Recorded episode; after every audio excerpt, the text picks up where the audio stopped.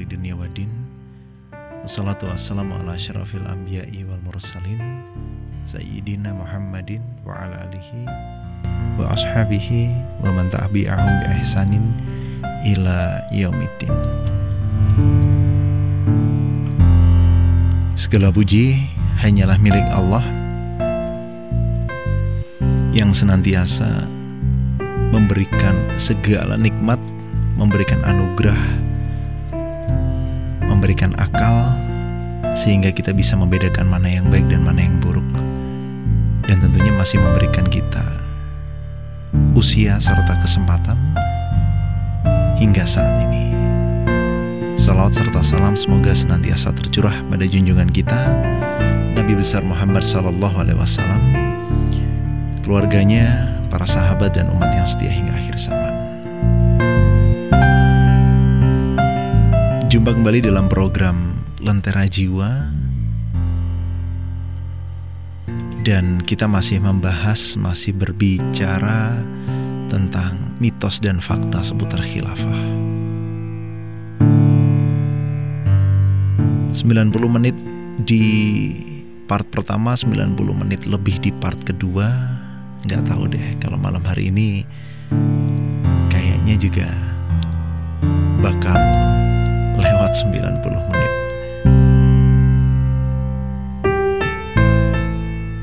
Ya karena memang urusannya urusan besar sih Yang diobrolin harus banyak Jadi memang kalau kita ngomongin syariat atau yang menjadi salah satu syariat dan ajaran Islam bernama khilafah ini nggak sesederhana kalau kita ngobrolin soal sholat, puasa, zakat, sedekah. Nggak semudah dan secepat itu. Kenapa? Karena memang banyak sekali amal-amal soleh, amalan-amalan yang itu akan menjadi sempurna ketika berada di dalam naungan khilafah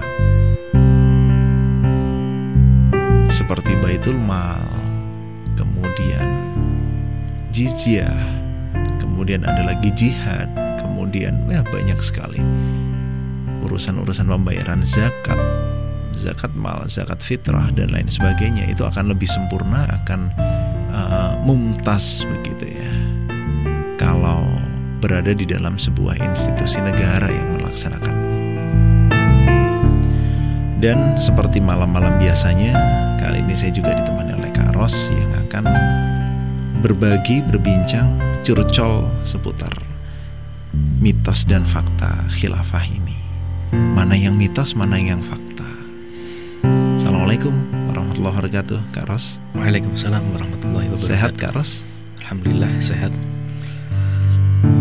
Sudah siap berbagi nih malam hari ini di Lentera Jiwa insya Allah ya kapan pun di mana pun kita bertemu dengan orang yang membicarakan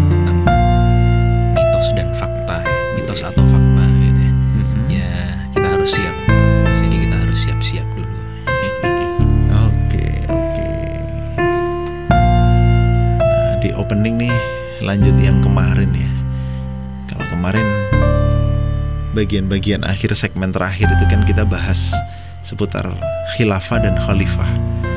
Nah, banyak yang nyinyirin khilafah, banyak yang nyinyir uh, dengan khilafahnya, dengan sistem khilafahnya, dengan ajaran khilafahnya ini, karena memang hmm, nggak sedikit mereka mengambil cerita-cerita yang entah kebenarannya itu bisa dipertanggungjawabkan atau enggak yeah. itu terkait dengan khalifahnya gitu ya kemarin. Mm -hmm. Jadi wah khalifah ini dia uh, berbuat zolim, uh, ini, yang ini dia suka mabuk, yang ini dia suka kawin cerai. Nah akhirnya itu menjadi justifikasi atas apa ya tidak relevannya khilafah diterapkan di Indonesia tidak di, uh, tidak relevannya khilafah diterapkan saat ini gitu kak iya ceritanya nah, kalau menurut kak Ros uh, pandangan yang semacam ini gimana? Tadi bahas tentang khilafah dan khalifah ya. Mm-mm. Melihat keburukan dari khilafah dari aspek khalifahnya gitu. Ya sebenarnya kalau kita melihat dari penggunaan katanya sebenarnya kita sudah bisa tahu bahwasannya khilafah dengan khalifah itu hal yang berbeda hal yang berbeda nah, kalau kemarin kita akan sampaikan bahwasannya khilafah itu datangnya dari Allah. S- sementara khalifah itu datangnya dari ya individu Ya, manusia individu itu sendiri sebagai khalifahnya. Nah, jadi sebenarnya kalau misalnya membandingkan bahwasannya oh khilafah itu sama aja dibandingkan dengan negara-negara yang lainnya begitu Mm-mm. demokrasi, eh, kapitalisme, sosialisme. Karena ya toh ujung-ujungnya bisa menimbulkan kerusakan. Iya. Ya. Padahal sebenarnya tidak apple to apple gitu ya. Mm-mm. Nah, khilafah itu datangnya dari Allah. Sementara yang datangnya dari manusia hanya khalifah. Iya. hanya hukum-hukum yang di apa istilahnya di ijtihadkan begitu ya. Iya. Nah, sementara sistem yang lainnya personnya itu dari manusia itu sendiri dan sistemnya itu juga dari manusia. Mm-mm. Nah, coba bandingkan sistem yang datangnya dari manusia dengan sistem yang datangnya dari Allah. Iya. Ya, Pasti beda. ya gitu. Pasti beda.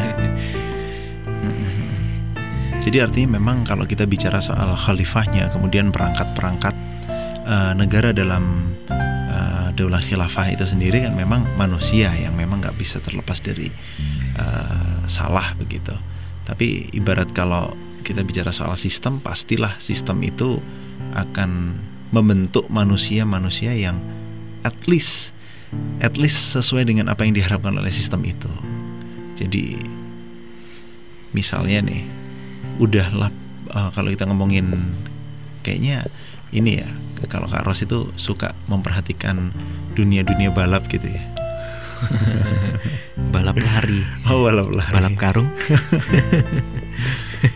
Eh, jadi misal kalau kita ngomongin soal F1 gitu, udahlah mobilnya bagus, drivernya juga bagus. Nah, maka jadilah seperti Ayrton Senna, jadilah eh, seperti Kimi Raikkonen gitu.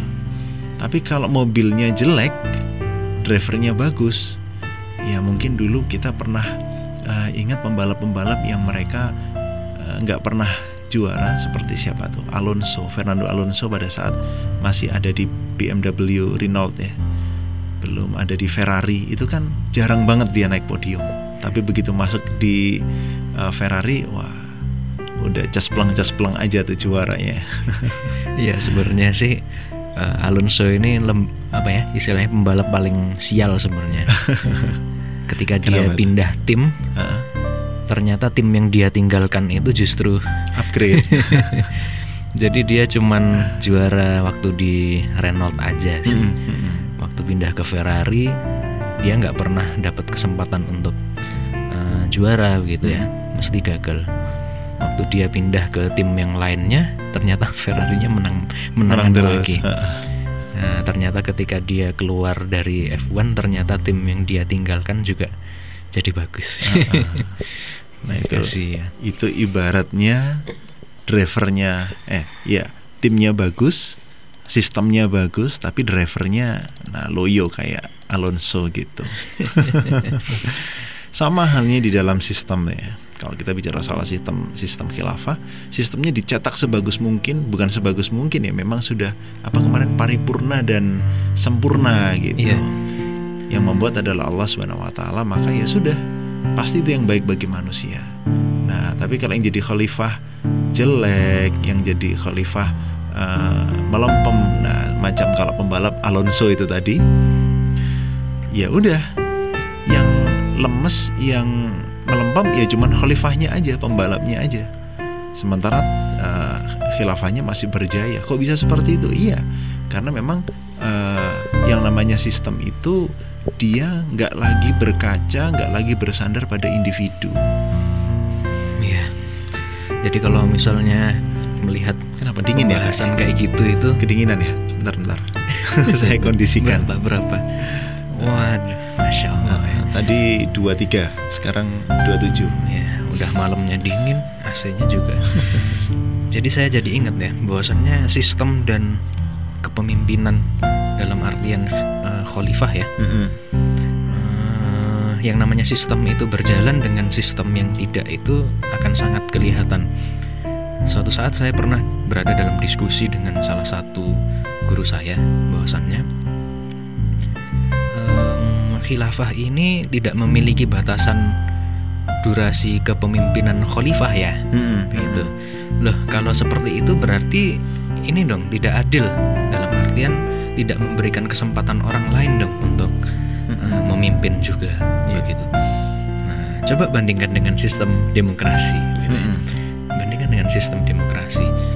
Ketika di sana ditetapkan lima tahun sekali maka maka memberikan kesempatan bagi orang lain untuk memimpin. Iya. Nah, dan maksimal lima tahun itu satu orang eh, satu orang person yang memenuhi syarat hanya bisa memiliki kesempatan dua kali atau dua periode. Ya, lalu disampaikan bahwasannya ini nyambung dari yang tadi ya bahwasannya Iya, kalau iya. misalnya khalifah itu eh, khalifahnya ini buruk ya begitu. Melakukan penyimpangan-penyimpangan nah maka dijawab oleh guru saya. Nah kalau misalnya ada khalifah yang seperti itu maka cepat sekali ada perubahan kepemimpinan. Iya. sehingga eh, kita akan melihat bahwasannya orang-orang yang melakukan penyimpangan kemu- eh, dalam hal ini adalah khalifah begitu ketika dia Mhm. melakukan akan dengan cepat dia akan dibuktikan apakah benar-benar salah Mm. Ya, ketika bersalah dan menyalahi syarat-syarat diangkatnya sebagai khalifah maka bisa diturunkan Turunkan, betul. Nah, tapi coba bandingkan dengan demokrasi begitu ya Harus nunggu dulu. nunggu dulu lima lima tahun. maka seorang pemimpin yang zalim ya, kemudian pemimpin yang dia anti Islam. Itu akan terasa sangat lama gitu. Mm-mm. lima tahun itu adalah masa yang sangat lama Iya. Eh, Dan kalau dimaksulkan pun diturunkan pun, ya jalannya pasti berdarah-darah. ya benar ya kalau misalnya kita dengar kemarin ada pemilihan itu itu kan sampai mengorbankan berapa ratus nyawa Jadi kalau nyambung ke tadi kembali yang ke tadi bahwasannya pemimpin yang zolim itu rasanya lama sekali lima Mm-mm. tahun bahkan jangankan lima tahun ya sebulan dua bulan itu pun sudah rasanya kita sudah sangat muak begitu Mm-mm. dengan pemimpin tersebut. Nah, namun lain halnya jika pemimpin ini adalah pemimpin yang adil begitu mengayomi umat maka lima tahun ini adalah rasanya seolah-olah itu adalah waktu yang Singkat. sangat singkat begitu. Nah, kalau kita melihat khilafah, orang-orang yang dia masih dianggap mampu untuk memimpin sebagai khalifah, maka ya dia Iya. akan memimpin terus. Mm-mm. Bahkan kita kalau melihat sejarah itu banyak khalifah-khalifah yang dia memimpin sampai akhir hayatnya. Mm-mm. Ya karena memang eh, khalifah ini dapat mewujudkan keadilan begitu. Iya. Nah, dari atas sampai ke bawah bahkan umat-umatnya masyarakatnya kalau misalnya kita melihat masanya Umar bin Abdul Aziz begitu ya sampai-sampai eh, yang namanya zakat itu melimpah ya Melimpah, nggak bisa disalurkan. Nah, ini biasanya kalau saya bahas Umar bin Abdul Aziz ini kak dia langsung nyambung ke Iya. bahasan-bahasan yang kemarin itu Yang apa itu? Joms Joms Oh Joms Joms. Nah, jadi carikan nih Iya siapa dicarikan. nih yang masih ah. belum menikah ini Mm-mm. ayo kita Mm-mm. biayai untuk menikah, Menikah. gitu kan tapi ternyata semuanya sudah gitu. Iya. yang yang sudah siap ternyata sudah menikah semua nah, akhirnya ya apa terus lanjutannya? Saya lupa itu. Umar bin Akhirnya Abdul Aziz. akhirnya eh, apa itu namanya? Eh, harta zakat itu tadi di di apa istilahnya? Digunakan dimanfaatkan ya. Sampai untuk eh, ini ya pos-pos pos-posnya Baitul Mal itu bener-bener dipenuhi gitu. Jadi di antara jarak yang dekat gitu ya, apa eh, kalau di jalan gitu kan, Iya. dengan jarak yang nggak terlalu jauh itu ada pos eh, logistik, ada pos logistik, ada pos logistik itu gunanya untuk apa? Untuk membiayai ibnu sabil gitu, untuk membiayai orang-orang yang lagi dalam perjalanan, Hmm. kemudian mereka butuh logistik, butuh makanan, butuh uang dan lain sebagainya, ambil sendiri. Udah. Kamu perlunya berapa? Ambil sendiri. Saking banyaknya uh, harta dan ini jarang banget gitu loh di dipublikasikan sebagai salah satu contoh bahwasanya Islam dengan sistem khilafahnya itu menaungi uh, masyarakat. Ya kan? Yang Ya. di yang dibahas uh, dikit-dikit pembunuhan uh, atau atau kasus ini ya, kasus apa? Uh, peristiwa Karbala, dikit-dikit Ya. Karbala, dikit-dikit uh, Yazid bin Muawiyah, dikit-dikit uh, siapa itu namanya? Uh, siapa itu yang di Baghdad itu? Uh, Khalifah Khalifah siapa? Harun ar-Rasyid yang Ya. istananya penuh dengan wanita. Dikit-dikit seperti itu aja. gitu. Kemudian apalagi? Wah, banyak deh. Pokoknya yang jelek-jelek aja. Dan itu itu pun itu pun nggak banyak gitu loh. Itu pun nggak banyak. Kita perlu juga uh, mengetahui sejarah-sejarah tentang khalifah-khalifah ini. Ada khalifah yang memang uh, dia dimakzulkan istilahnya disuruh turun karena memang bermaksiat kepada Allah, bermaksiat kepada rakyatnya. Udah, ya udah selesai turun gitu. Ya seperti zaman sekarang susah banget. Bahkan uh, sampai zaman sekarang itu yang kita miris ya, sampai ada ulama-ulama mengeluarkan fatwa haram hukumnya untuk menegur uh, penguasa di depan umum, nanti membuka aib. Nah, nggak begitu. Banyak banget itu. Ya episode kemarin kan di segmen-segmen keberapa kemarin ketiga atau kedua itu sudah kita bahas seputar muhasabah lil hukam itu ya. Mm-mm. Apa? Muhasabah kepada penguasa, menegur atau mengingatkan penguasa. Dan itu nggak nggak nggak banyak di uh, bahas gitu. Jadi kalau di uh, ya salah satu salah satu sejarah yang saya suka banget itu ketika uh, kita menceritakan Umar bin Abdul Aziz ya. Jadi Umar bin Abdul Aziz ini uh, yang memang salah satu uh, khalifah dari uh, di di di ini ya dari Bani Umayyah ya. Iya. Itu kemudian beliau menangis setelah sesaat setelah terpilih menjadi khalifah. Iya. Beda kayak pemimpin zaman sekarang. Kita lihat Donald Trump setelah terpilih menjadi presiden negara inisialnya USA atau AS itu, Iya. itu konvoy dengan mobil berlapis emas, Hmm.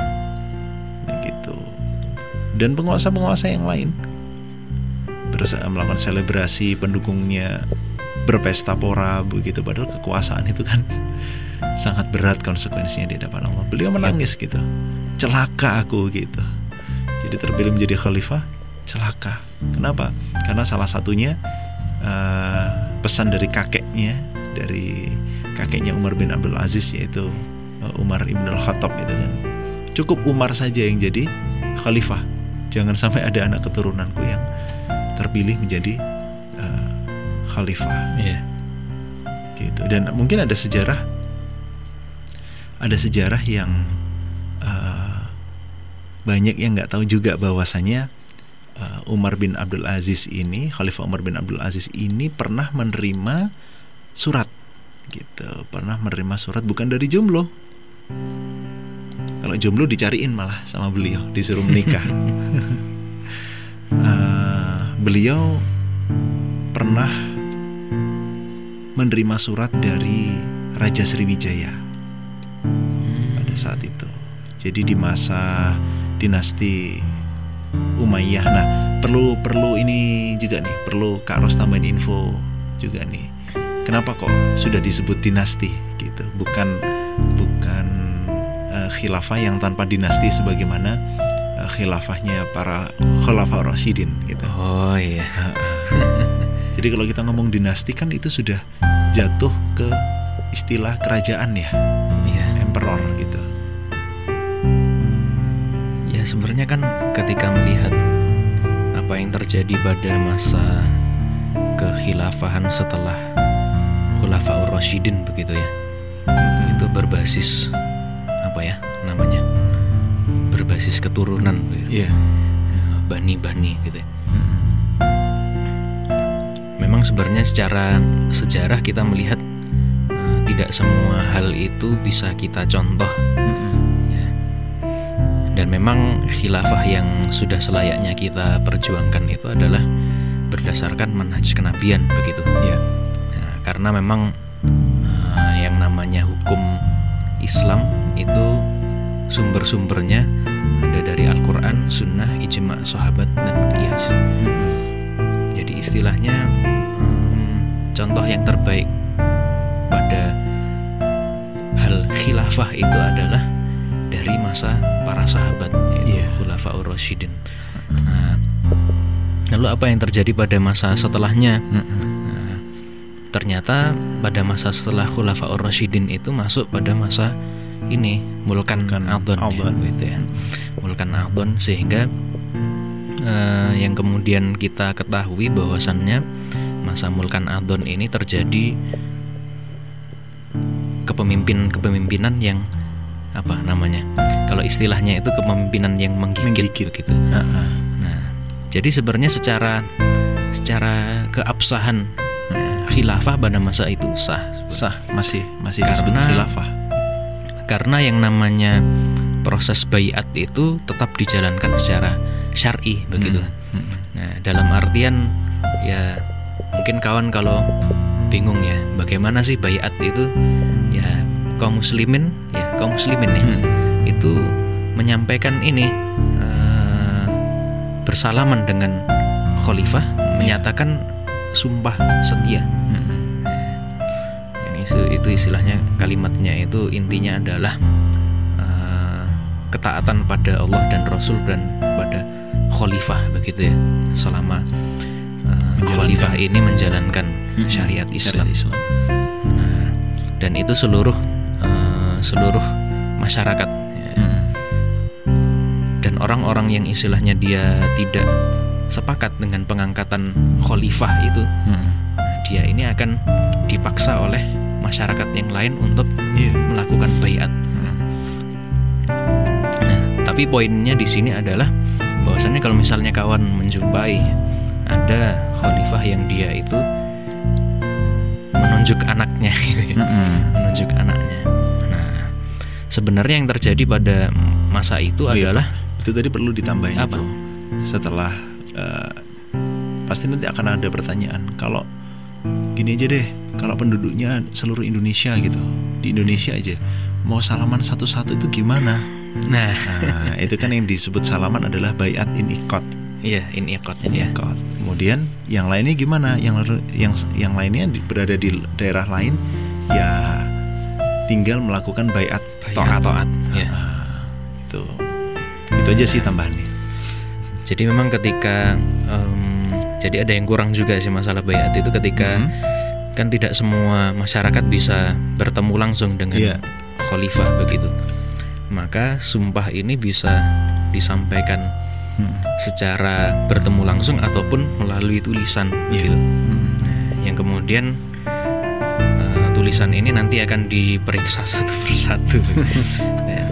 Ya, memang eh, di sana itu memastikan bahwasannya yang namanya kepemimpinan ini eh, pemerintahan ya terpilihnya khalifah dalam daulah Islam atau khilafah ini melalui proses yang win-win begitu Hmm. dan itu terjadi sepanjang masa 13 abad Iya. eh, khilafah begitu walaupun tadi misalnya tadi saya sempat sebut bahwasannya ada eh, khalifah yang dia masih menjabat kemudian eh, memilih anaknya untuk Iya. menjadi khalifah ya jadi sebenarnya itu hanya sekedar memilih saja gitu. Memilih saja kemudian proses yang terjadi setelahnya adalah proses bayat sebagaimana sebelum-sebelumnya Hmm. atau kalaupun misalnya sebelumnya sudah apa ya, sudah di gimana ya bahasanya udah di seolah-olah disahkan begitu Iya. tapi eh, Nanti keabsahan ketika- itu ah. tidak berlaku secara syar'i Iya. karena memang setelah setelah misal istilahnya orang tua bapaknya, Bapaknya ini meninggal, meninggal. kemudian ternyata dibayat ulang Mm-mm, mm-mm. bayat bayatan yang syar'i Iya. nah jadi eh, dari segala macam hal yang itu bersifat wah ini penyimpangan Iya. pada masa khalifah sebelum eh, khilafah pada masa-masa setelah khulafa ur-rasyidin. Tapi hal yang perlu digarisbawahi bahwasannya proses proses pemilihan eh, bukan pemilihan ya, pengangkatan Mm-mm. khalifah itu berlangsung secara syar'i. Iya. Maka ketika ada misalnya pengistilahan nama-nama ke khilafan bani itu sebenarnya bani itu kan ya tidak merujuk pada manhaj kenabian kan ya. Iya. Ya, tidak ada istilah seperti itu. Maka hal-hal yang seperti itu ya sudah tidak kita contoh. Iya. Sementara yang kita contoh adalah yang itu Merujuk merujuk kepada- pada manhaj kenabian. Iya, betul. Makanya Gitu, Kak. hadisnya itu kan juga khilafah ala min hajin nubuah gitu. Uh, khilafah yang berada di dalam manhaj kenabian. Seperti apa contohnya? Ya seperti uh, yang dicontohkan oleh Khulafa Rasyidin itu yang salah satunya uh, yang merupakan itu tadi kakek buyut dari siapa? Umar bin Abdul Aziz itu, Iya. Umar bin Khattab. Ya perlu banyak belajar, perlu banyak membaca, perlu banyak merenungi dan kayaknya menurunkan ego ya kak ya. Iya. Soalnya kalau di dalam diri kita masih ada ego itu susah, susah untuk uh, berkembang sih kalau kalau menurut saya ya. Kita Iya. mempertahankan yang salah, yang itu sudah menjadi, yang sudah mengak- mengakar gitu dalam diri kita. Kita nggak mau mengubahnya, ya repot juga. Ya gimana caranya turunin egonya dulu, belajar, barangkali ada hal-hal baru yang bisa kita pahami dari situ. Jadi nggak asal nyinyir pokoknya khilafah itu salah, pokoknya radikal. Wah pokoknya repot kalau ketemu pokoknya itu. Pokoknya nggak mau belajar. Nah, gitu. Ya. Bayangkan kalau di zamannya eh, apa itu cicitnya Umar bin Khattab ya di zamannya Umar bin Abdul Aziz itu. Kalau ada orang ngomong pokoknya itu kayaknya langsung diciduk, disuruh ke mana ke masjid gitu ya. disuruh ke masjid, disuruh disuruh belajar gitu. Enak. Kalau di zamannya beliau itu belajar mah terpenuhi segala fasilitas. Keluarganya dipenuhi, anak-anaknya dipenuhi kebutuhannya, pakaian, makanan, kesehatan, rumah. Mm. Sementara laki-laki yang kepengen belajar, pengen mengembangkan ilmunya itu ya nggak perlu mikir keluarga saya nanti makan apa. Para joms joms itu nggak usah mikir. Waduh nanti kalau saya nikah anak istri saya saya mau kasih makan apa? Nah nggak usah nggak usah mikir kayak begitu. Emang anakmu nanti mau kamu masih mau kasih makan batu gitu? Ya nggak mungkin lah. Gitu, Dan itu nyata gitu ya Iya. Buat yang nyinyir-nyinyir gitu, perlu deh kamu baca uh, sejarah-sejarah sejarah-sejarah ke kekhilafahan secara apa? Secara objektif ya, Iya. secara objektif supaya kamu bisa memahami. Jangan membandingkan dengan kehidupan yang sekarang. Nanti kalau di zaman khilafah orang kafir bakal dibunuh, oh, enggak, enggak, enggak, enggak gitu kok. Makanya kadang orang yang ngomong-ngomong nyinyir kayak begitu tuh dapat referensinya dari mana sih? Heran saya tuh. Kalau khilafah, wah itu nanti nggak boleh ada orang non muslim itu, nggak boleh ada orang selain Islam. Nggak nggak pernah baca buku atau gimana atau dapat justru mereka kayaknya yang melontarkan hate speech ya kepada khilafah ya. Iya.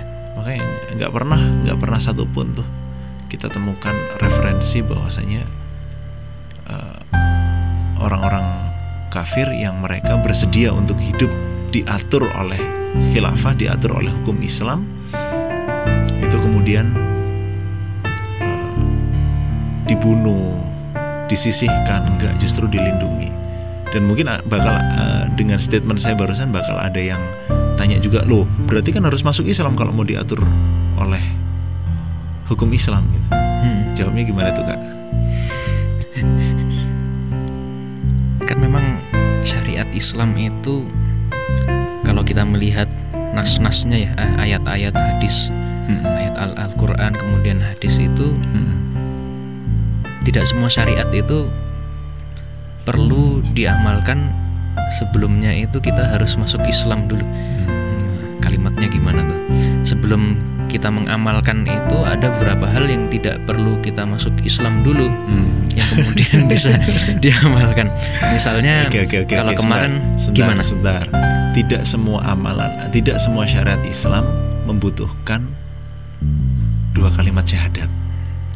Kayaknya Oke, lebih wes. simpel. ya ya begitu nah misal seperti apa ya Jual beli. Eh, jual beli jual beli seorang untuk melakukan jual beli dengan eh, jujur kemudian sesuai dengan rukun-rukun dan syarat-syarat jual beli yang sah kan Hmm. ya tidak tidak mengharuskan ada di dalamnya itu seorang muslim misalnya Hmm. pelakunya ternyata tidak kemudian dalam hal-hal yang lainnya misalnya dalam hal em, pekerjaan misalnya Hmm. mm, bermuamalah dalam hal ya kalau muamalah itu eh, dalam artian di sini bukan muamalah ya tapi syirkah ya Iya. nah kalau syirkah ini Kak Dias yang lebih paham Eh, di sana itu tidak ada yang mensyaratkan bahwasannya se- semua pelaku yang terlibat dalam syirkah itu haruslah Harus muslim. seorang muslim yang terpenting itu memahami ya memahami bahwasannya em, muamalah-muamalah yang diperbolehkan dalam Islam itu seperti Betul. ini. Betul. betul. Karena memang ketika kemarin kita bahas bahwasannya di mana ada syariat di sanalah ada Hmm. maslahat, maka untuk mendapatkan maslahat itu kita harus jalankan dulu syariatnya. Ya. Tapi sebelum kita menjalankan syariat, tahu mana syariat yang tepat dan yang tidak, kita harus pelajari dulu. Betul. Nah, jadi gitu kak. Tidak semua syariat itu mensyaratkan pelakunya apa membaca dua kalimat Berislam dulu. Berislam dulu. Itu kawan. Jadi slow down. Eh, emosinya ditekan, emosinya ditekan dulu. Ya. Khilafah itu nggak sengeri yang para nyinyers sampaikan kok. Khilafah itu asik. Eh, keren lah pokoknya. Jadi kita bisa melihat sesungguhnya Islam itu ya nanti ketika khilafah itu ada mungkin perlu belajar juga ya tentang kisah siapa itu Eh, Richard the Lionheart ya. Yang ketika dia sakit ketika dia kena penyakit apa dulu? Kusta nih. Ya. Richard the Lionheart justru dikirimi obat-obatan dikirimi bahan makanan oleh siapa? Oleh Salahuddin Al Ayyubi yang notabene mereka di medan perang bermusuhan Ya. tapi di luar pertempuran ya istilahnya kalau bukan saudara seiman kita kan saudara sekemanusiaan gitu kan rasanya Iya deh itu pembahasan kita di segmen pertama oh iya kalau mau Yoi. baca baca seputar muamalah muamalah bisnis kayak begitu kayaknya bisa ditemukan di buku judulnya 10 hari buka bisnis nih Wah. Sekalian promosi juga nih kak. iya penulisnya siapa tuh Ahmad Adiasta kalau nggak salah ya Oh iya. Heeh. Gitu ya kak Dias. ya? Heeh. Beda ya Ahmad Adiasta sama dengan eh, sama Kak Dias ya. sama kayaknya Kayaknya sama ya. ya ya ya. Jadi gitu kawan. Ada Iya. yang sedang promosikan dirinya sendiri. Wih, ya bisa didapatkan di toko buku terdekat di kota Anda. Wih, Siap. oke, ya itu deh eh, obrolan kita di segmen pertama. Obrolan seputar khalifah yang banyak salahnya, yang banyak khilafnya, tapi ternyata tetap menjalankan hukum Islam dan bagaimana eh, skema agar orang-orang zolim ini nggak lagi memimpin di dalam kekhilafahan. Nah, obrolan akan kita lanjutkan lagi di segmen kedua, jadi tetap nyalakan lentera jiwa.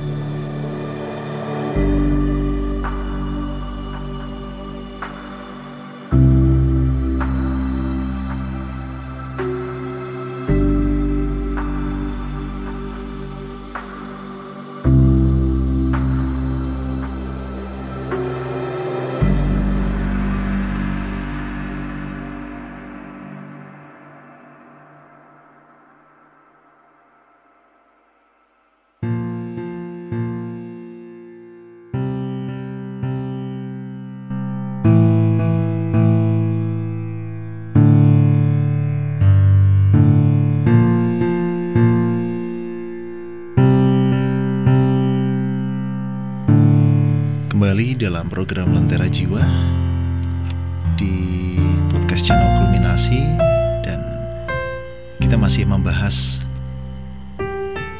mitos atau fakta seputar khilafah.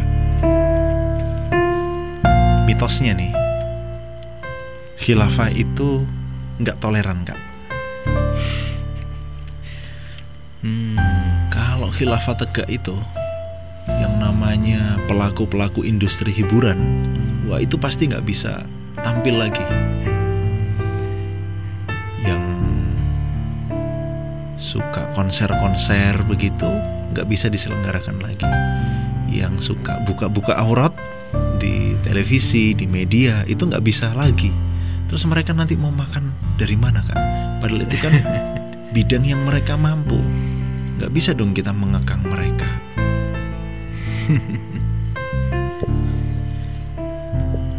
ya kalau misalnya kita bahas tentang hal itu ya sebenarnya kalau jawaban yang agak konyol itu jawaban yang agak konyol itu boleh boleh tapi tidak di ruang umum Oh ya. dalam artian melakukan sesuatu itu kan kita harus memahami ya koridor-koridor eh, syariat Mm-mm. Masalah eh, bahkan misalnya kalau berkaitan dengan eh, ruang olahraga itu bisa jadi disediakan ruang yang terpisah antara laki-laki dan perempuan Iya. Nah, dalam artian apa ya? Eh, yang namanya syariat Islam ini, kalau kita melihat secara kasat mata seolah-olah dia membatasi begitu, Mm-mm. ya, membatasi. Oh, kita nggak bisa begini, tidak bisa begitu. Mm-mm. Padahal sebenarnya dari pembatasan itu kita melihat sesuatu yang itu sebenarnya baik bagi masyarakat, bagi Iya. umat begitu. Mm-mm. Ya. Karena memang ketika misalnya eh, orang-orang yang terbiasa mengumbar aurat begitu ya, Mm-mm. Yang terbiasa mengumbar aurat ini, em, siapa sih yang khawatir ketika ada hal-hal yang seperti itu, terlebih di hal seperti itu ditampilkan di muka umum begitu. Mm-mm. Yang khawatir itu adalah orang tua. Iya. Nah, coba ketika hal-hal seperti itu disuguhkan di mana-mana, ya di TV iya, Mhm. di HP, handphone iya, di Mm-mm. Kita buka internet, kita browsing iya, kita buka hmm, situs-situs yang menampilkan menayangkan video-video itu juga iya, iklan-iklan itu ya. Iya. Nah, orang tua ini pasti akan khawatir. Nah, bagaimana coba saya menjaga anak-anak saya dari hal-hal yang seperti itu? Mm-mm. Iya. Sementara ketika- dengan tanpa sengaja aja udah bisa kebuka. Nah, iya. Sementara ketika khilafah itu memberikan batasan, Mm-mm. memberikan batasan-batasan tersebut, orang tua tidak lagi khawatir. Mm-mm. Ya, ada semua itu ada tempat dan waktunya masing-masing begitu. Yang namanya anak-anak ini orang tua akan jadi lebih mudah Mm-mm. dalam membentengi mereka dari hal-hal yang itu tidak pantas begitu. Mm-mm. Nah, itu masih secuil kak. Iya. Kak Dias, kalau Ah. menurut Kak Dias gimana? Itu nanti kan pasti yang khawatir itu industri-industri hiburan. gitu. Bakal gulung Iya. tikar. Takutnya kan begitu. Iya, takutnya eh, nanti mereka bakal gulung tikar mereka eh, nggak punya ladang pekerjaan lagi padahal kan sebenarnya sebenarnya yang kita lakukan ini kan juga industri hiburan ya kak ya bikin podcast eh, dan lain-lainnya. Itu kan industri hiburan juga. Tapi gimana sekarang kalau kita bicara tentang konten? Nah industri hiburan itu kan cuman kemasannya. Iya, industri hiburan cuma kemasannya. Film-film kemudian uh, video klip. Video klip itu kan cuman kemasan. Coba kita isi dengan sesuatu yang mengajak uh, kaum muslimin mengajak generasi muda apalagi yang anak-anak itu untuk mendekatkan diri pada Allah ya tentunya kan beda lagi iya. mereka tetap masih bisa beraktivitas, mereka masih bisa tetap mencari nafkah, tapi kontennya konten yang Islami. Mm-mm. Toh konten yang Islami pun itu juga banyak kok peminatnya gitu. Nggak Iya. perlu nggak perlu menampilkan aurat, nggak perlu menampilkan hal-hal yang maksiat. Eh, itu juga bisa ini kok, bisa juga menarik kok gitu. Contoh kalau saya contohkan misalnya ada lagu saya keren banget lagunya itu. Saya Hmm. suka banget begitu itu? begitu saya dengerin pertama itu wah langsung jadi eh, new favorite song gitu. Oh gitu. Ah. Rutin dengerinnya setiap- Sering setiap, hampir hari. setiap setiap hari. Wah. Hampir setiap hari. Kayak gimana itu kak? ada di lagunya? ada di ada di podcast kita juga tuh. Oh, Dicari iya, nanti iya, judulnya iya, iya. bonus track gitu. Oh iya iya iya iya. iya. Tak lelahkah kau di sana itu Hmm. tenggelam dalam kubang dosa. Itu keren tuh. Ada ya lagu kayak gitu ya? Ada, Kayak tadi yang kak Dias nyanyiin itu ada. nadanya gitu. Ah, ah.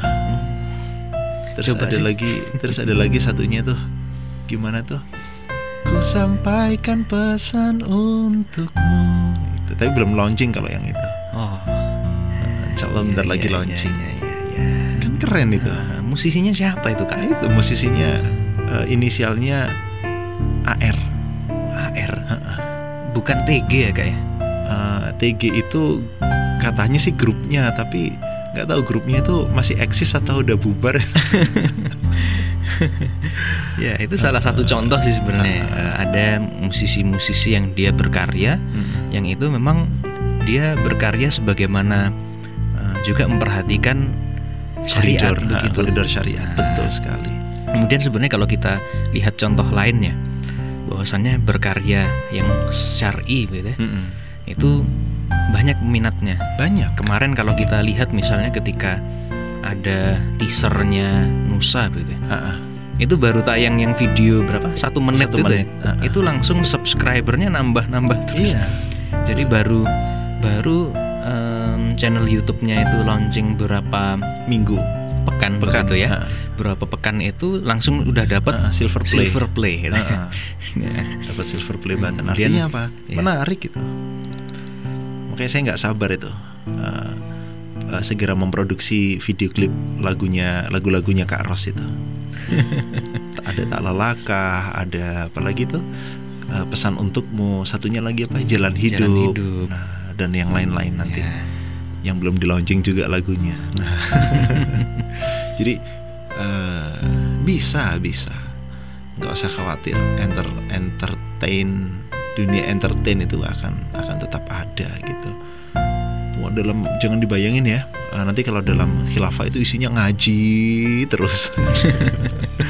Dipaksa ngaji Dipaksa terus. ngaji terus gitu Ya, itu ya. dan kita juga ini kan ya eh, kita juga membuktikan gitu loh. Eh, ya kita sendiri maksudnya secara personal secara tim kita itu ada ya mungkin Kak Ros ingat ya yang kita kerjasama dengan yayasan Tahfiz Quran itu ya. Oh iya iya. Nah, itu santri-santrinya kan mereka penghafal Quran itu kan. Iya. Tapi bisa juga mereka bikin konten video, mereka bikin bahkan sekarang lagi progres bikin film. Mereka bisa gitu loh. Artinya apa? Nggak semua 24 wa- 24 jam waktu digunakan hanya untuk ngaji terus nggak bisa beraktivitas enggak enggak seperti itu. Ya kuncinya lagi-lagi belajar sih kita memahami uh, Islam dengan cara belajar nggak setengah-setengah, memahami secara utuh gitu. Ya. Jadi justru kalau kita mau uh, bicara siapa yang membuat kegelisahan di tengah-tengah masyarakat ya demokrasi ini gitu. Ntar ada yang komplain juga lu demokrasi kan sesuai dengan Islam. Nah udah kita sampaikan tuh di episode sebelumnya. Kenapa kok begitu? Kan ada syuroknya. Nah apa tuh kak bedanya syurok di demokrasi dalam syurok dalam Islam? Ya. Jadi kalau demokrasi itu demokrasi itu yang namanya suro itu asal menyampaikan begitu ya. Ya. Sebenarnya bahasa kasarnya itu adalah bahasa kasarnya itu adalah dalam demokrasi itu yang dihitung adalah jumlah kepalanya. Mm-mm.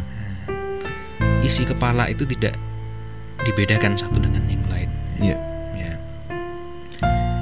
Jadi istilahnya begini, ada ada satu orang uh, profesor ya, dengan orang bodoh, Mm-mm. maka itu dianggap sama.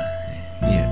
Hitungannya adalah sama-sama satu suara begitu. Mm-mm. Nah, kemudian yang lebih parah juga kalau misalnya kita membandingkan antara suara seorang ulama dengan suara seorang apa orang yang bodoh begitu ya. Nah, orang yang tidak tahu syariat. Maka itu juga hal yang sama. Nah, Mm. dihitung berdasarkan jumlah Suara. kepala begitu. Karena apa? Bahwasannya di dalam demokrasi itu menyampaikan apa pun itu adalah suatu yang boleh sesuatu yang boleh. Nah, bahwasannya ketika dalam suatu ruang kita memberikan ruang untuk memberikan kesempatan untuk eh, kebatilan ya, memberikan kesempatan bagi orang-orang yang dia itu tidak memiliki ilmu untuk membicarakan urusan umat, Iya. maka ya pastinya umat ini akan terpuruk begitu. Nah, Betul. jadi sebenarnya begini ya, em, yang namanya hak yaitu Al-Quran dan As-Sunnah itu disandingkan dengan kebatilan dan mereka ini seolah-olah memiliki kedudukan yang sama. Mm-mm. Ya, itulah demokrasi. Ya, ya istilahnya apa ya? Hmm, bahasa kasarnya ya, Kak Dias biasanya minta bahasa kasarnya. Wih. Jadi menyandingkan antara wahyu Allah membandingkan antara syariat Islam yang itu not- notabene dari Allah Mm-mm. membandingkan dengan otak manusia, akal Ya. manusia seolah-olah keduanya itu se- setara. Mm-mm. Padahal Allah ini Al-Khaliq. Syariatnya ini kebaikan dan sempurna serta paripurna. Nah, ya gimana bisa dibandingkan dengan akal manusia yang notabene itu adalah milik manusia yang terbatas. Tempatnya salah dan lupa ya. yang sering kali manusia ini tidak memahami hakikat sesuatu Iya. dan itu dibandingkan Nah, itu betul. penjelasan rumitnya kak Nah, kalau penjelasan gampangnya itu kalau dalam Islam itu yang boleh disyurokkan dirapatkan itu kan sesuatu yang memang mubah gitu. mubah ya Jadi eh, bukan sesuatu yang mubah artinya eh, kita sedang berbicara soal sesuatu yang nggak melanggar hukum syarak gitu kan. ya Beda kalau di dalam eh, demokrasi. Kalau di dalam demokrasi kan perzinahan, pelacuran, eh, apa itu namanya tempatnya itu lokalisasi lokalisasi itu boleh atau enggak? Nah itu yang Nah, di, itu yang diperdebatkan. diperdebatkan. Kalau dalam Islam kan nggak seperti itu. ya Contoh misalnya kita mau bikin sholat eh, id misalnya, tempatnya nanti di jalan A, kemudian di ruas kanan atau di ruas kiri. Nah Mm-mm. itu yang boleh disyurokkan. Kemudian misalnya apalagi eh, kita mau bikin pengajian eh, pesertanya banyak, kita mau tempatkan di masjid atau di alun-alun. Nah itu Hmm. boleh disyurokkan. Strateginya seperti apa, kemudian teknis-teknisnya seperti apa, itu syurok. Tapi kalau demokrasi bukan syurok. Demokrasi kalau kata Kak Ros itu tadi mempertentangkan antara buat hukum buatan manusia dengan hukum buatan Allah ya dan nggak dan nggak jarang di dalam demokrasi yang haram jadi halal yang halal jadi haram nah ya contoh riba kemudian minuman keras ya walaupun kita bersyukur ya di Indonesia juga eh, ada beberapa kepala daerah yang memang eh, apa namanya tidak mengizinkan adanya minuman keras di wilayahnya. Tapi ya ada juga dan masih bebas juga penjualan-penjualan minuman keras di beberapa eh, daerah Ya. gitu. Dan itu jangan disyurokkan lagi.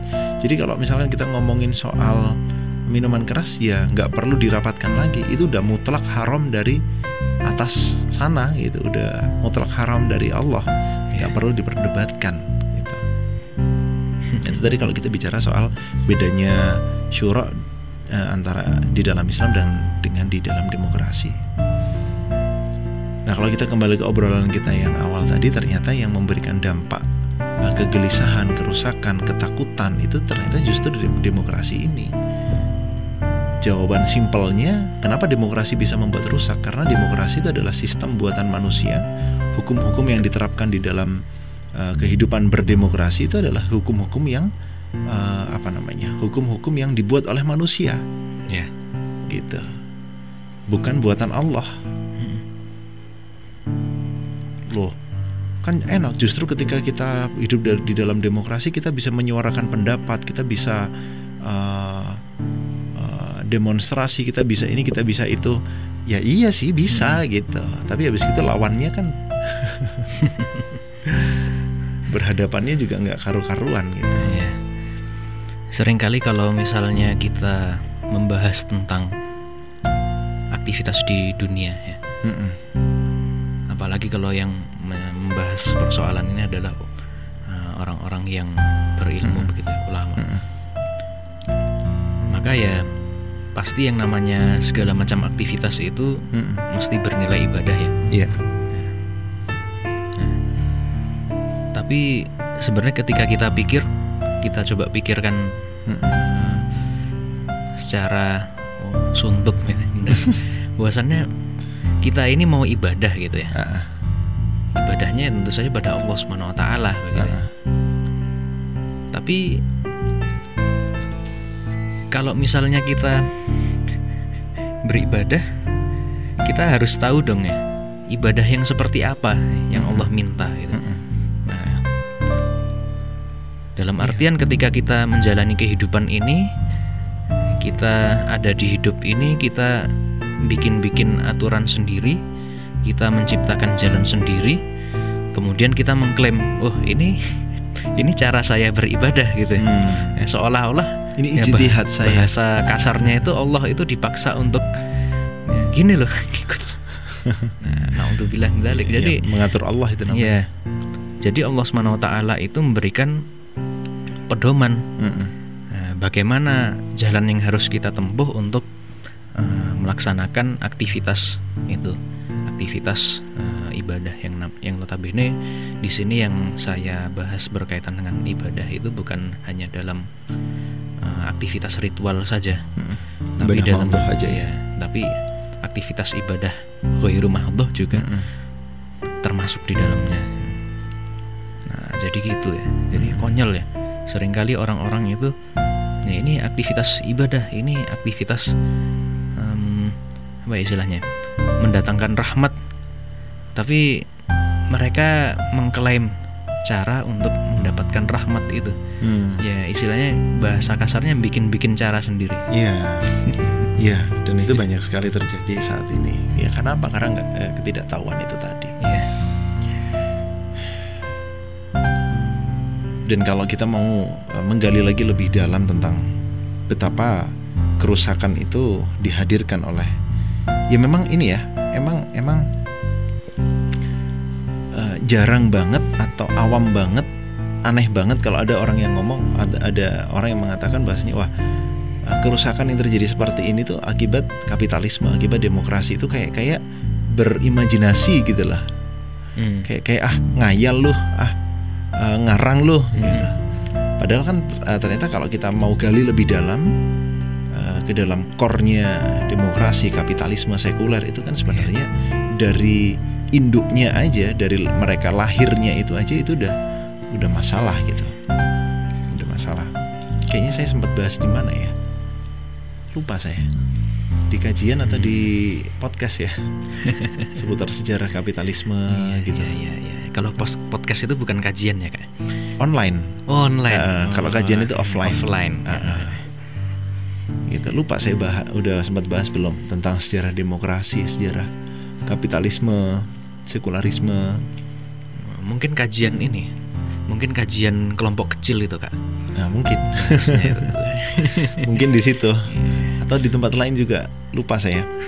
Jadi eh, kalau kita mau tahu apa itu kapitalisme apa itu demokrasi itu kan sebenarnya mereka lahir dari asas sekularisme yang yang mana sekularisme itu memisahkan antara agama dan kehidupan dan Ya. proses terjadinya terbentuknya atau lahirnya ideologi sekuler kapitalis ini kan bukan berasal dari Islam tapi berasal dari Eropa yang notabene saat itu uh, muncul konflik di tengah-tengah masyarakat Eropa, apakah pihak gereja itu berhak lagi mengatur urusan manusia atau enggak gitu. Jadi uh, bagaimana ceritanya kemudian uh, bagaimana caranya uh, mereka bisa memisahkan antara agama dan kehidupan. Kemudian lahirlah yang namanya sekularisme itu. Yeah. Lahir yang namanya sekularisme. Dan tentu saja di sini itu nggak ada urusannya dengan Islam gitu. Yeah ada urusannya dengan Islam. Lahir sekularisme memisahkan antara agama dan kehidupan, di mana manusia itu boleh ngurusin soal kehidupannya kalau dia sedang di dalam uh, berada di dalam tempat-tempat peribadatan. Yeah. Itu boleh. Tapi kalau berekonomi, bersosial, uh, bermuamalah, berpolitik, bernegara itu jangan bawa-bawa agama. Nah itu lahir di Eropa dan bukan lahir dari kaum muslimin gitu. Mm -mm.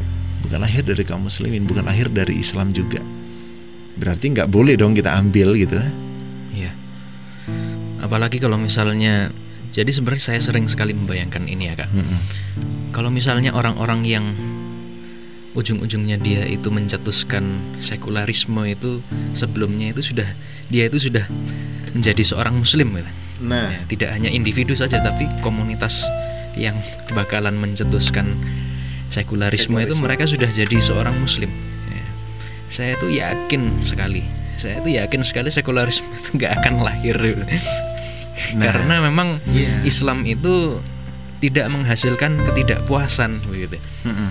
Sementara kalau kita melihat pada masa lalu itu yang namanya raja-raja ya raja-raja itu dia kemudian mengambil keputusan ini itu A B C D sebenarnya mereka itu mengambil keputusan tidak berdasarkan wahyu ya.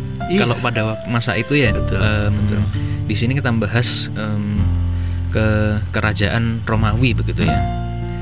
Kita ya ini mohon maaf ya, kalau misalnya kita melihat ada nggak sih syariat dari agama lain yang mengatur masalah ekonomi misalnya, mm -hmm. atau mengatur masalah interaksi manusia satu dengan yang lain? Kan nah. tidak ada. Sebenarnya wajar-wajar saja ketika raja ini mengambil keputusan berdasarkan hawa nafsu dia.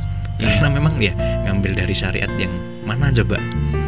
Tapi memang yang menjadi fatal lagi itu adalah ketika raja ini meminta pendapat pendeta. Rajanya udah nggak nemu eh pendetanya nggak nemu apalagi rajanya. Nggak nemu. Akhirnya memang wajar saja ketika memang lahir yang namanya sekularisme. Yeah maka saya sebenarnya yakin sekali ketika orang-orang ini sudah memahami kebenaran Islam, mm-hmm. masuk ke dalam Islam secara kafah, memahami Islam tidak hanya mengatur masalah peribadatan, ya, yeah. ritual saja, tapi mengatur segala macam aspek kehidupan begitu, mm-hmm. maka ya mestinya mereka tidak akan mencetuskan yang namanya nah, sekularisme. Itu dia. Itulah kenapa nah. Islam disebut din, bukan disebut agama gitu ya. jadi uh, untuk untuk yang belum bisa membedakan mana agama mana din itu kalau agama kan cuman mengatur hubungan manusia dengan Tuhan aja sementara ya. kalau Islam din itu semuanya diatur jadi manusia nggak perlu repot-repot membuat aturan sendiri tentang kehidupan jadi sekuler itu kan ceritanya uh, urusan Tuhan urusan agama itu di bahas di tempatnya Tuhan aja di rumahnya Tuhan aja yeah. sementara kalau di dalam kehidupan sehari-hari ya udah bikin aturan sendiri aja gitu mm. Sementara kalau Islam kan enggak. Baik di dalam rumah di luar rumah di, di dalam masjid di luar masjid di tempat-tempat mana pun itu semua Islam sudah mengatur gitu. Yeah. bahkan di dalam hutan pun Islam udah ngatur gitu. Di pesawat terbang di kapal selam Islam juga mengatur.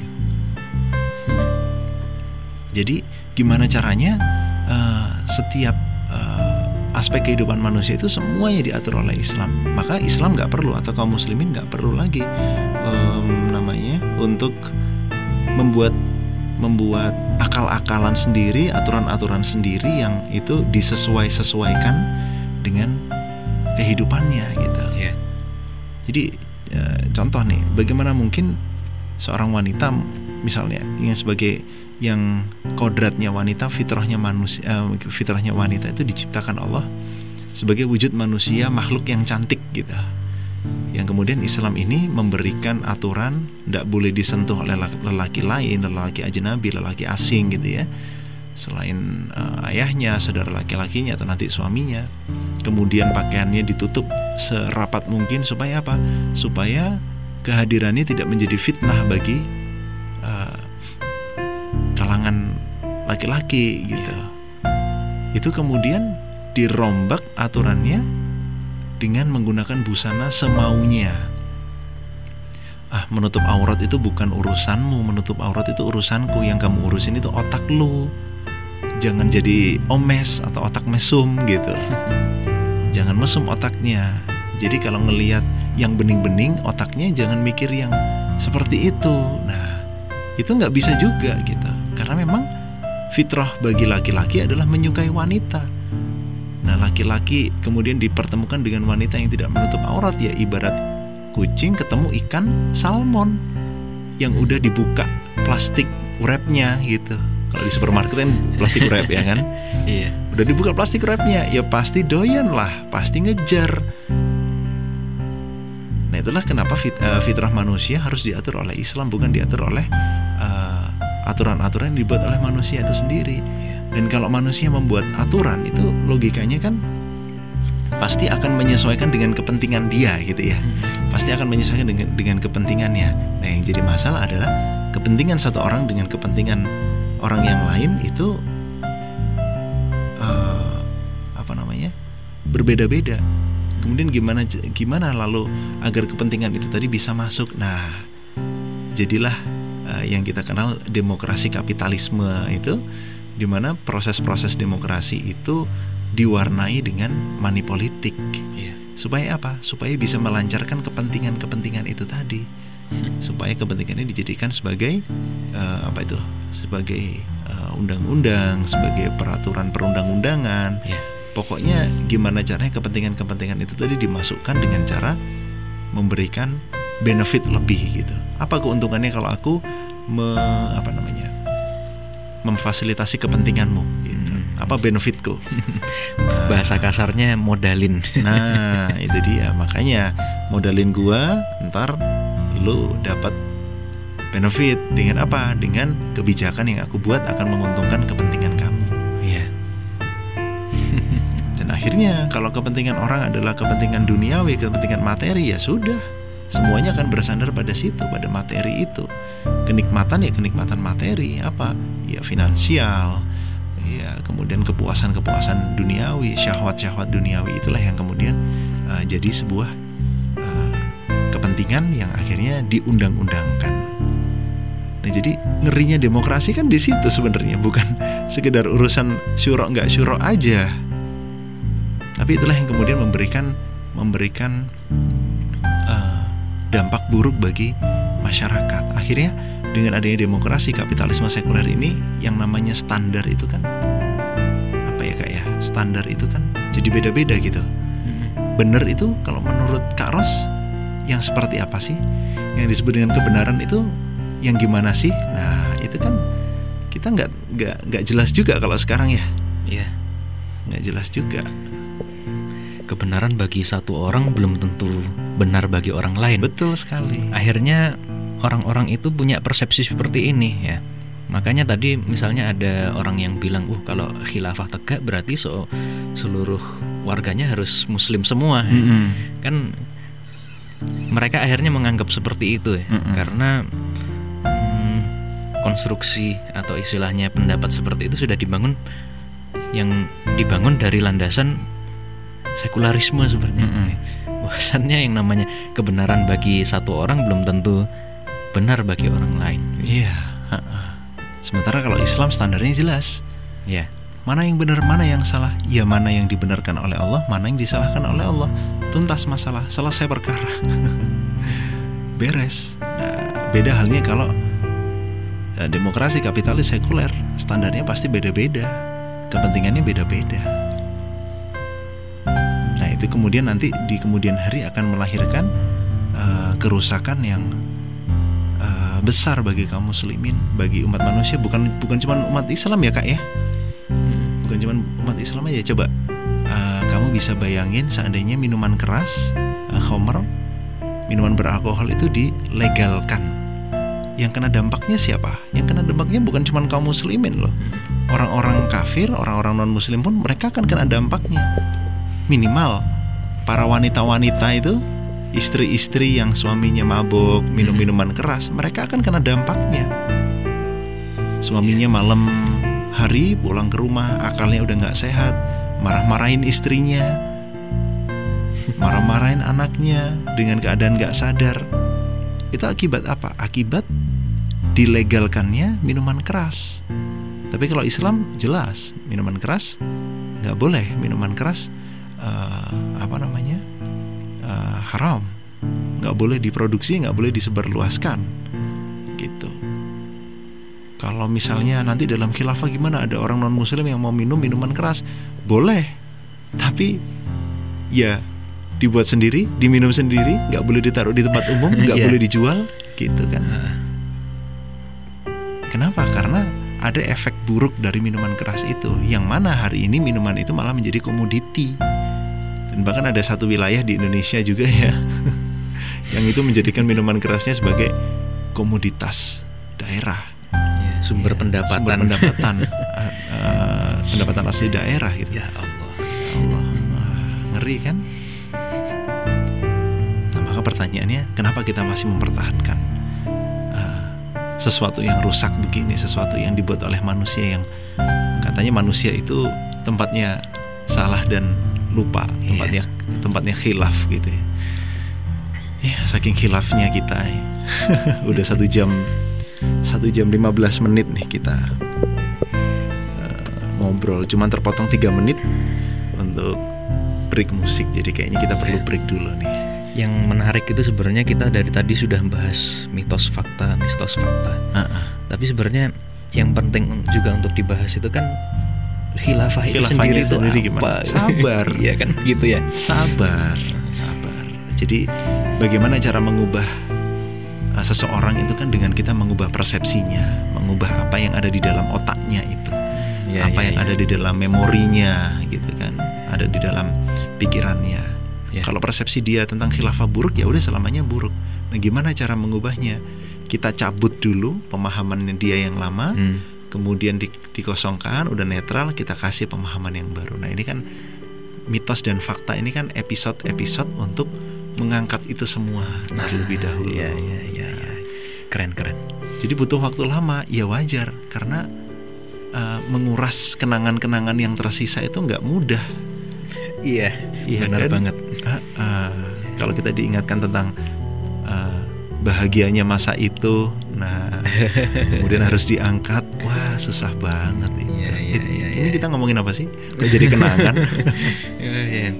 ya kenangan yang sudah melekat di jiwa kaum muslim selama 13 abad itu ya kalau paham kan ya kita hmm, sulit hmm. untuk lepaskan betul ya. sekali tapi kalau yang jadi masa yang jadi masalah adalah ketika yang melekat di dalam uh, benak kaum muslimin itu kenangan satu abad terakhir ini ya di mana kapitalisme merajai dunia, kapitalisme menguasai dunia, kapitalisme merusak generasi muda kaum muslimin. Dan yang lebih parah lagi, sebagian kaum muslimin merasa nyaman dengan kerusakan itu. Mereka dirusak oleh barat, mereka dirusak oleh demokrasi kapitalisme sekuler, mereka santuy-santuy aja. Dan merasa enggak enggak ada yang salah dengan hidup saya. Nah, itu yang susah. Jadi itulah kenapa episode-episode mitos dan fakta di Lentera Jiwa ini yang membahas seputar khilafah uh, berjalannya agak lama dulu dan memberi kesempatan bagi kita untuk menghela nafas sejenak. Oke. Okay. kita akan break, jadi tetap nyalakan Lentera Jiwa.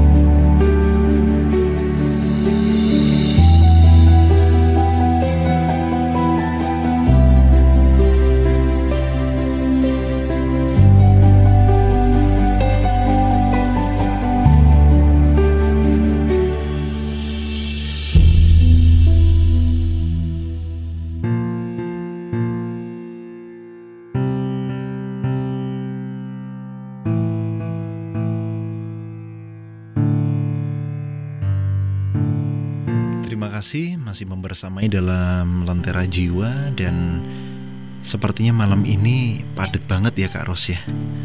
Ya, Padat banget obrolannya sampai udah masuk ke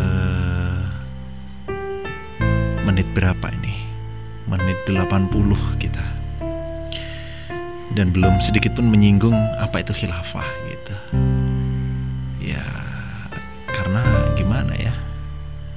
Yang lama-lama itu harus dikuras dulu sih, harus dibersihkan dulu ya walaupun eh, saya yakin masih kurang episode ini ya. Jadi ya, setelah dengerin episode ini banyak-banyak baca buku, banyak-banyak ikut kajian yang mengupas seputar eh, khilafah. Nanti insya Allah dari situ akan lebih banyak lagi tahu. ya, Tapi kalau sekedar spoiler nih, nah untuk pembahasan kita berikutnya, bahwasanya khilafah itu kan kepemimpinan atas umat muslim ya, bersifatnya yang sifatnya umum Mm-mm. itu. Dan dari kepemimpinan itu ditegakkan berbagai urusan uh, umat dan juga kebutuhannya. Dan juga selain itu setelah kenabian itu kan memang habis masa kenabian kalau udah habis itu yang melanjutkan adalah kekhilafahan. ya, Ya, berarti ini adalah pengganti kenabian, ngurusin urusan din, dinul Islam, ngurusin urusan akhirat, ngurusin urusan dunia gitu. Eh, kok akhirat? Ngurusin urusan agama Islam, dinul Islam, ngurusin urusan dunia yang itu nanti akan dipertanggungjawabkan di akhirat. Nah, nah gimana tuh kak? ya memang harus dikenal dulu dari awal. Cara ngenal cara ngenalinnya gimana nih, Kak Ros? Kenalinnya. segmen segmen sebelumnya tadi kayaknya saya ngobrolnya udah panjang nih gantian dong Apa nih yang, yang perlu dibahas nih? Eh, Tadi. gimana memperkenalkan khilafah kepada umat muslim yang terutama masih awam ya Perkenalkan khilafah. Jadi memang ketika kita mencoba untuk memperkenalkan istilah asing, Mm-mm. kita bawa dulu sesuatu yang tidak asing. Ya, Yang tidak asing dulu bagi di tengah-tengah umat. Ya, Mm-mm. bahwasannya ketika kita coba sebenarnya yang ini tidak terlalu umum juga tapi tidak asing-asing juga kan memang kisah kenabian ya, kisahnya Rasulullah Shallallahu Alaihi Wasallam atau mm, sirah Iya. Perjalanan bagaimana beliau dari lahir kemudian sampai akhirnya beliau uh, berdakwah secara sembunyi-sembunyi kemudian terang-terangan Mm. maka kita kita ketika melihat perjalanan tersebut secara lebih mendetail Mm. nah, kita akan temui bahwasannya apa yang dilakukan oleh Rasulullah dan para sahabat ketika setelah hijrah itu adalah mendirikan sebuah institusi begitu Iya.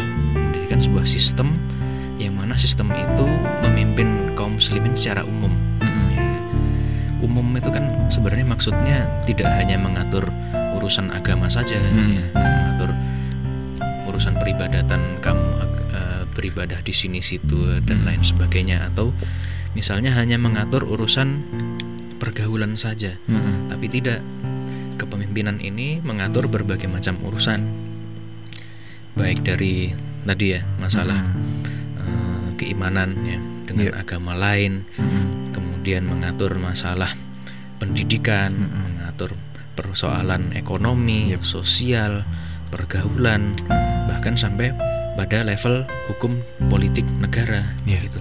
Nah, seperti apa sih contohnya Rasulullah melakukan aktivitas-aktivitas itu ternyata banyak. Nah, dalam eh, dalam urusan pergaulan ya sudah banyak ya. Bahwasannya dulu itu pernah Rasulullah menjumpai eh, ibu-ibu ya yang ternyata ibu-ibu ini mengaku telah melakukan perzinahan gitu. Iya. Iya.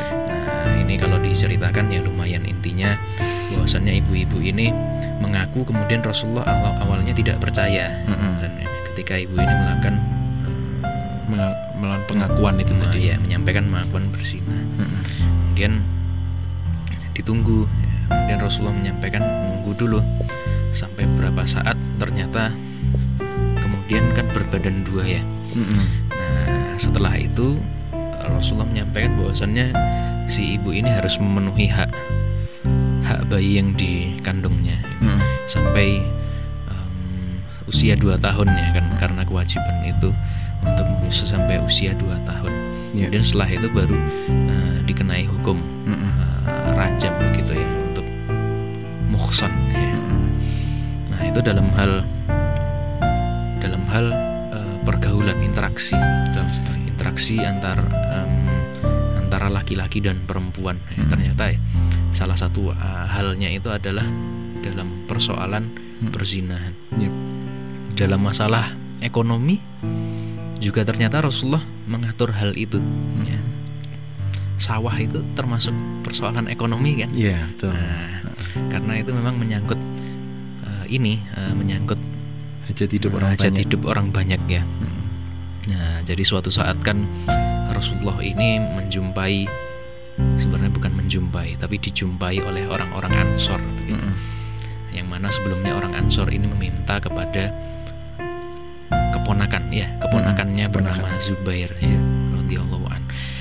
Nah, minta pada Zubair ini untuk mengalirkan air kepada sawah orang-orang Ansor terlebih dahulu ya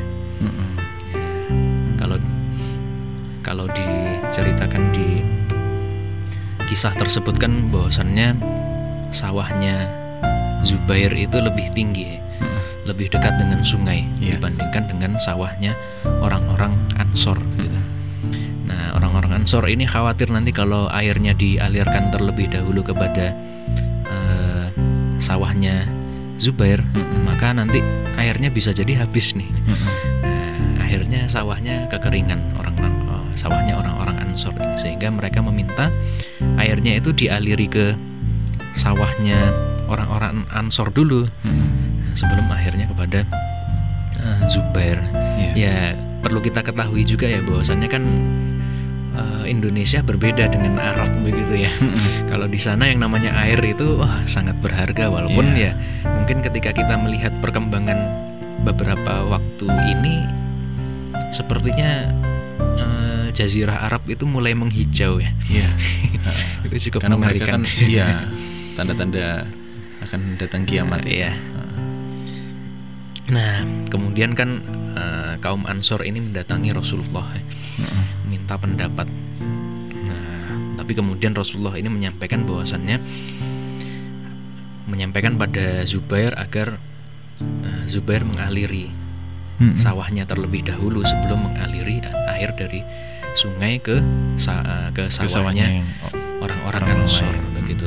Nah, jadi diairi sawahnya Zubair sampai sampai pada ketinggian akar Mm-mm. tanaman ya, akarnya pohon atau jika tidak menemui eh, menemui akar pohon, maka sampai ketinggian mata kaki begitu. Mm-mm. Nah, setelah sampai ketinggian se- sedemikian itu baru air ini dialirkan kepada sawahnya orang-orang Ansor. Tapi orang-orang Ansor ini ternyata masih eh, belum puas dengan Iya. hal tersebut. Mm-mm. Nah, maka kemudian em, orang-orang Ansor ini menyampaikan bahwasannya, oh ini pasti karena Zubair ini adalah keponakan, ya, keponakannya eh, Rasulullah begitu ya Mm-mm. yang mana kemudian ternyata peristiwa itu menjadi asbabun nuzulnya Mm-mm. salah satu ayat Iya. ya ayat apa itu kak lupa saya Hmm. Itu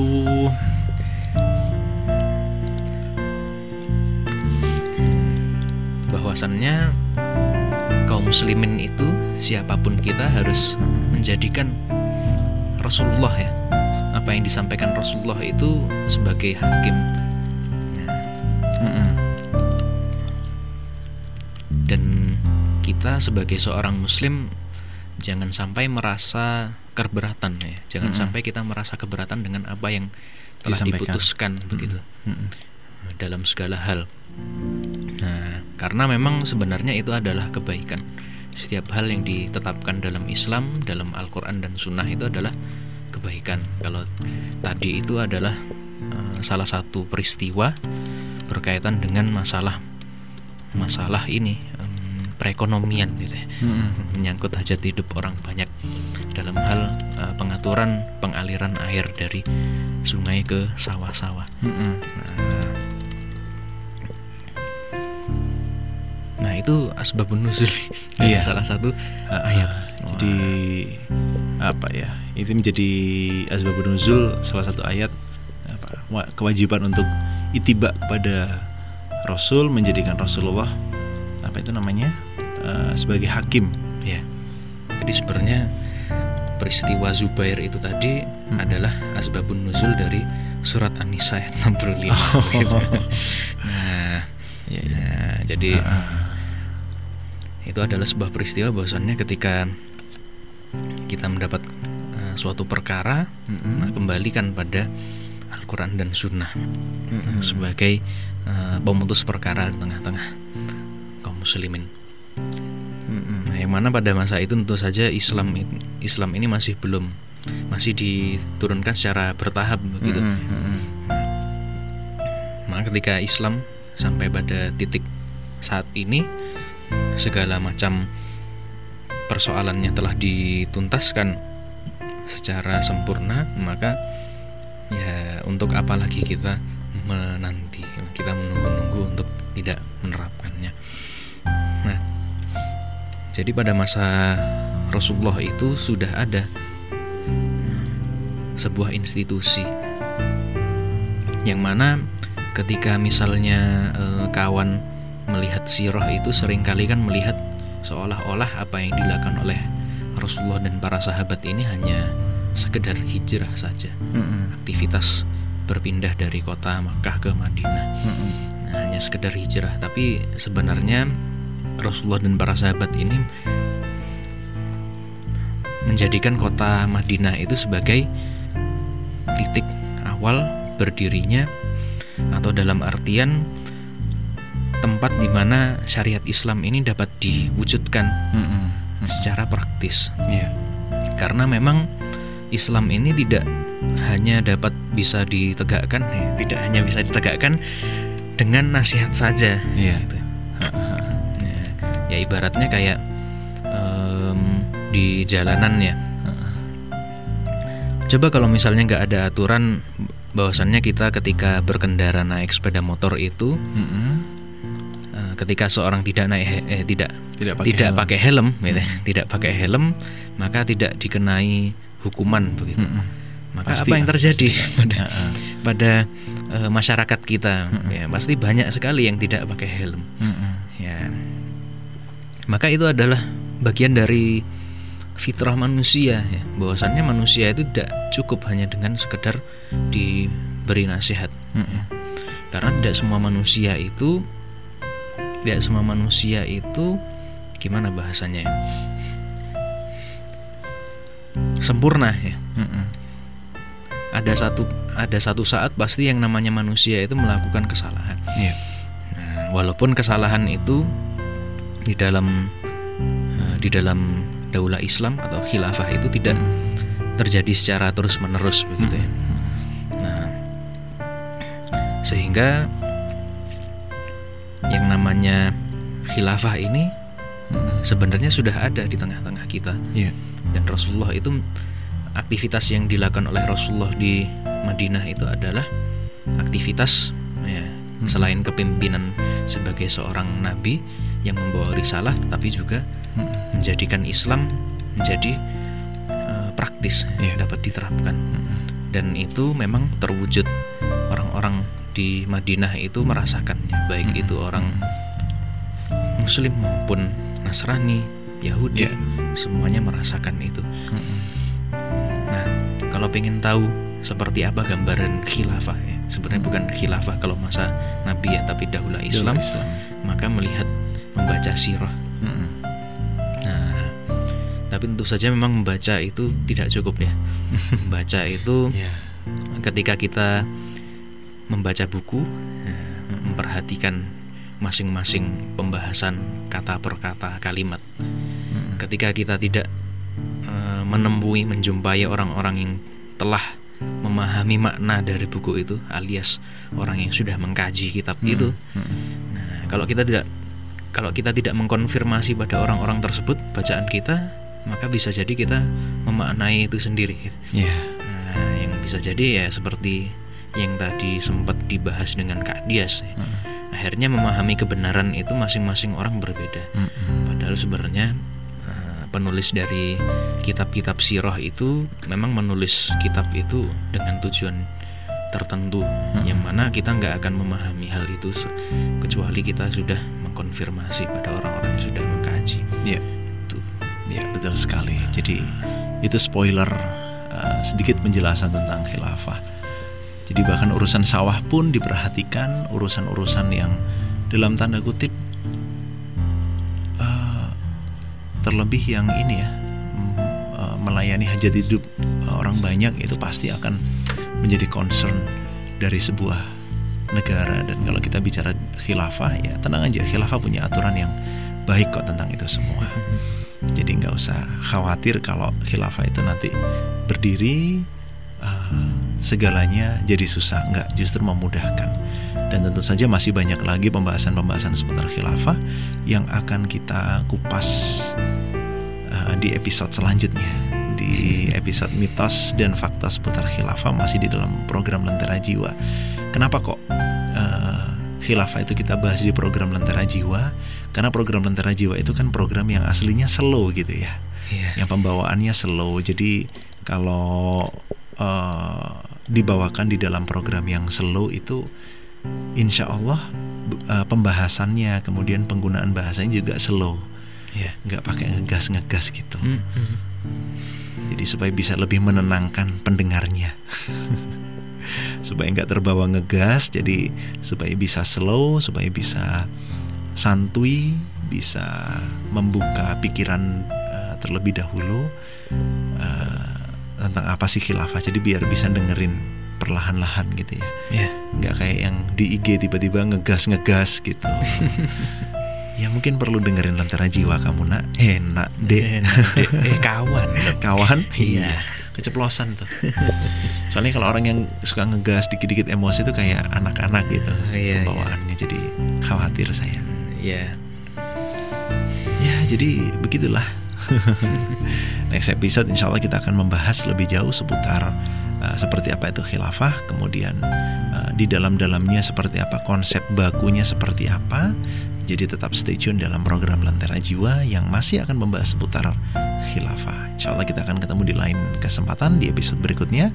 Dan akhirnya kami berdua mengucapkan mohon maaf apabila ada kekhilafan. Dan jika ada kurang insya Allah akan di- disampaikan di lain kesempatan kalau ada lebihnya Ya dibagi-bagi ke kawan-kawan yang lainnya. betul sekali dan insya Allah uh, persahabatan kita persaudaraan kita masih akan terus berlanjut di udara dan di mana pun Atau sampai ketemu di ya, Ya, di surganya Allah taala. Oke, itu dia. Dan akhirnya kami berdua uh, mengucapkan idina siratal mustaqim wa afu minkum bila taufiqul hidayah wa biridho wal inayah. Assalamualaikum warahmatullahi wabarakatuh.